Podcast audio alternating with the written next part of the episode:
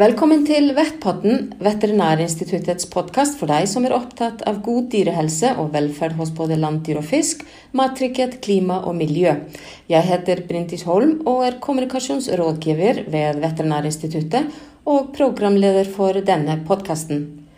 2.6 lanserer Veterinærinstituttet og Mattilsynet et nytt nasjonalt meldingssystem for registrering av syk og død villfisk.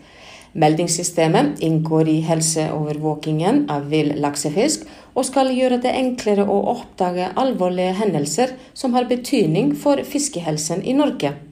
I denne episoden i Vettpotten har vi besøk av fagansvarlig fiskehelse ved Veterinærinstituttet, Britt Tørud. Hun kommer så å si rett fra Enningdalselva i Halden kommune, hvor ukjent sykdom rammer villaksen igjen. Men mer om akkurat det litt senere. Britt, velkommen til podkasten. Takk for det. Hvorfor har man lagd et meldingssystem eh, for eh, villfisken, og hvem kom på den ideen? Ja, grunnen til at du har lagd er jo dårlige erfaringer fra forrige sesong. da. Fordi at eh, det kom jo litt brått på oss. Vi er jo ikke vant til høy dødelighet i elven. Og når det da plutselig dukka opp så mye i Enningdalselva, så ble det jo stor interesse fra sportsfiskere egentlig over hele landet. Og det er jo klart at vi er jo interessert i å ta imot mest mulig meldinger. Vi er interessert i å vite hva som skjer i de forskjellige elvene. Og så har vi lært av svenska. For svenska har nemlig hatt et overvåkingssystem til sine elver i mange år. Og der er det rett og slett en app der sportsfiskere kan melde fra når de finner sjuk eller død eller skada fisk i vassdraga. Og det meldesystemet er sånn lagt opp at det er eh, beregna på alle fiskearter, så det er jo ikke bare laks som skal meldes. Og da kan, er det et avkryssingssystem, slik at eh, det er enkelt for den som melder, og enklere for oss som skal ta imot. Og så er det mulighet til å laste opp bilder. Det er selvfølgelig det aller viktigste, at vi får se åssen skaden ser ut. Og så er det eh, muligheter til å skrive litt fritekst. Og i Sverige så er det mer som et overvåkingssystem som bare går gjennom hele sesongen. Men eh, vi her i Norge har tenkt å gjøre det på en litt annen måte. Slik at de som melder inn at eh, de har funnet noe unormalt i elva, de eh, går inn på dette meldesystemet her. Og så vil de få et eh, automatisk svar først eh, fra Veterinærinstituttet om at beskjeden er mottatt. Og så vil eh, en diagnostiker fra Veterinærinstituttet ta kontakt med vedkommende for å kanskje få vite litt mer. Eller hvis det er helt tydelig ut fra bildet hva som er årsaken til denne fisken her er død, så vil den jo bare sende et svar tilbake med den meldinga. Men hvis det er noe som er aktuelt å gå videre med, da, at dette her ser ut som kan være noe smittsomt eller alvorlig eller sånne ting, så eh, vil jo Veterinærinstituttet kontakte vedkommende som har sendt meldinga. Og så må man avtale en måte for å få til et prøveuttak. Og det som er viktig, da, at eh, den som har funnet den eh, skada fisken, gjør, det er at den blir lagt så kjølig som mulig inntil det går an å ta noen prøver av. Blir det da slik eh, at fra 2.6 vil vi ha et meldingssystem slik at fiskere og andre turfolk ikke har behov for å være i tvil om hva som skal skje når de finner syk eller død fisk i vassdrag? Ja, vi mener jo at vi har lagt forholdene til rette for at de kan få stilt spørsmålet. For det er jo ikke lett å avgjøre for den som ikke er vant til å se sånne ting, om dette her er noe å gå videre med eller ei. Så vi ønsker jo at det blir meldt når de ser at det er noe gærent. Og er det noe som vi syns eh, kan være interessant å gå videre med, så, så har vi muligheten. Og i tillegg så hvis folk er flinke til å melde, så vil vi jo få en oversikt om det kommer mange meldinger fra samme elv. For det kan jo være større vassdrag, slik at eh, de som finner, ikke nødvendigvis vet om dem. men da vil jo vi ha en oversikt. Og vi samarbeider jo med Mattilsynet, slik at Mattilsynet vil jo ha en oversikt over det som foregår. Men hvordan og, hva skal Veterinærinstituttet bidra med i dette arbeidet? det er jo viktig å ha en oversikt over eh, om det er alvorlige og smittsomme sykdommer i, i vassdragene våre. Og det er Veterinærinstituttet sin oppgave å overvåke smittsomme sykdommer. Så vi jobber ikke bare med oppdrettsfisk, men vi er opptatt av villfisken vår òg. Hvilken betydning har det å ha et uh, meldingssystem for å registrere syk og uh, død villfisk? det er jo ganske vanskelig å oppdage sjuk og død fisk i vassdrag. Fordi at eh, den sjuke fisken den forsvinner ofte veldig fort. Fordi at det kan jo være andre større fisk, eller det kan være dyr som får tak i det. Slik at eh, det er vanskelig å oppdage og vanskelig å følge med hvis en ikke har eh, sportsfiskere, turgåere, andre som ferdes langs vassdragene våre til å hjelpe. Så Derfor er det viktig med et sånt system som eh, gjør at alle har muligheten til å si fra. Og at det skal være enkelt, slik at det ikke skal være noen terskel for å gjøre det. Og vi har jo fått trykt opp noen plakater som blir satt opp langs elven. Og der er det en QR-kode. Og for de som har appen på telefonen sin, så er det jo bare å ta opp den koden, og da vil de komme inn på Veterinærinstituttets side. Så foreløpig så er jo ordningen webbasert, da. Vi ønsker oss en app. Det kan kanskje bli seinere. Men eh, da kommer de rett inn på ei side. Der det er en knapp som de kan trykke på, og så kommer de direkte inn på registreringssida. Men på den forsida så står det selvfølgelig litt om hvorfor vi gjør dette her. Og folk skal passe på, og de skal se etter. Og for de som er spesielt interesserte, så vil vi jo legge ut en del aktuelle lenker etter hvert.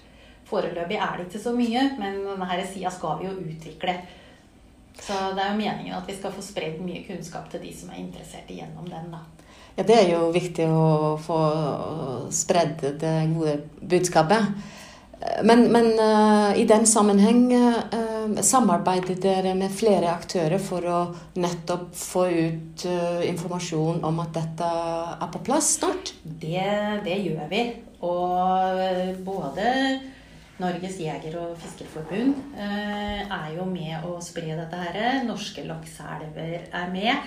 Slik at eh, på de sine nettsider vil jo dette her være kjent. Det vil òg stå på Veterinærinstituttet og Mattilsynet sine nettsider.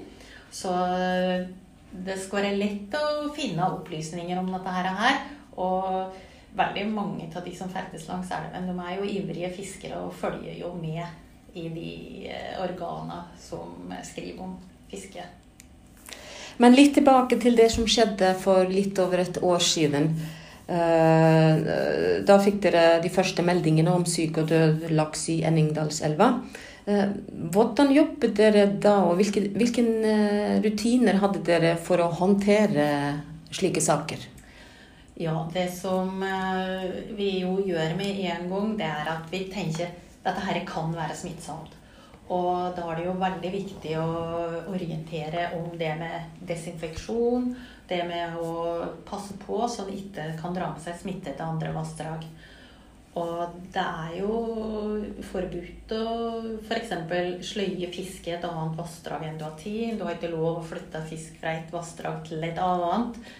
Og, men eh, sånn som i Enningdalselva også var jo fiskere på med en gang og desinfiserte utstyret sitt og klær og støvler og sånn som eh, var brukt i Enningdalselva før de eh, dro på fiske i et annet vassdrag.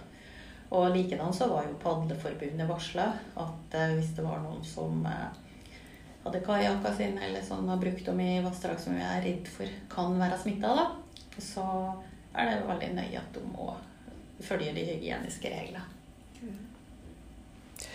Eh, du og flere fra Veterinærinstituttet eh, deltok i fjor i en workshop med internasjonale forskere om eh, dette temaet. Kan du fortelle oss litt om hvorfor det var viktig å ha det møtet, og hva dere kom frem til? Ja, vi fikk jo meldinger fra utlandet òg om fisk som var sjuk og som døde, og som hadde lignende forandringer i huden som det vi hadde sett i Enningdalselva. Vi eh, var jo interessert i å høre hva slags funn de hadde gjort i de andre landene når det gjaldt den der fisken.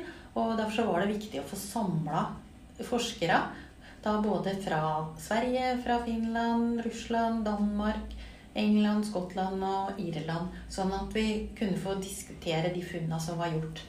Nå viste det seg at uh, de andre forskere hadde jo heller ikke funnet fram til noen årsak når det gjaldt dette her. Så, og det leiter vi jo fortsatt etter det vi har gjort, da, det er jo at vi har jo gått veldig bredt ut med hele det diagnostiske apparatet som vi har. Og undersøkt både om det skal være bakterier, om det skal være virus. Eh, vi undersøker alle organene, om det er spesielle celleforandringer i organene. Men så langt så har vi, har vi ikke funnet noe annet enn eh, forandringer i huden. Og det er egentlig veldig rart, fordi at fisken er ganske sjuk. Og det ser ut som han ble veldig fort sjuk etter han har gått ifra Iddefjorden og opp i elva. Men dere ble enige om å gi den ukjente sykdommen et navn? Ja, det ble vi enige om. Eh, og siden vi ikke veit årsaken, så måtte vi jo lage en symptomatisk diagnose, som vi kaller det.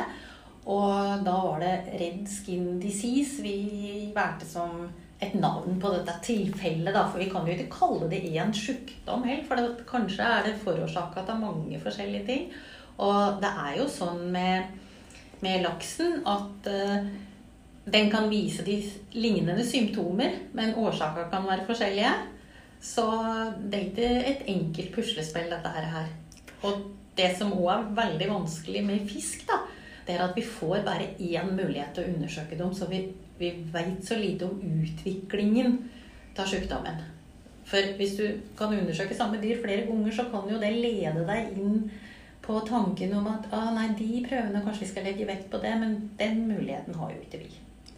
Men hvordan eh, jobbes det internasjonalt nå med dette? Eh, vi har jo sagt eh, at de andre forskere kan sende i hvert fall vevssnittene sine til Norge, så kan vi digitalisere dem. Og så kan alle forskere se på de samme bildene. Og det ser vi på som ganske viktig.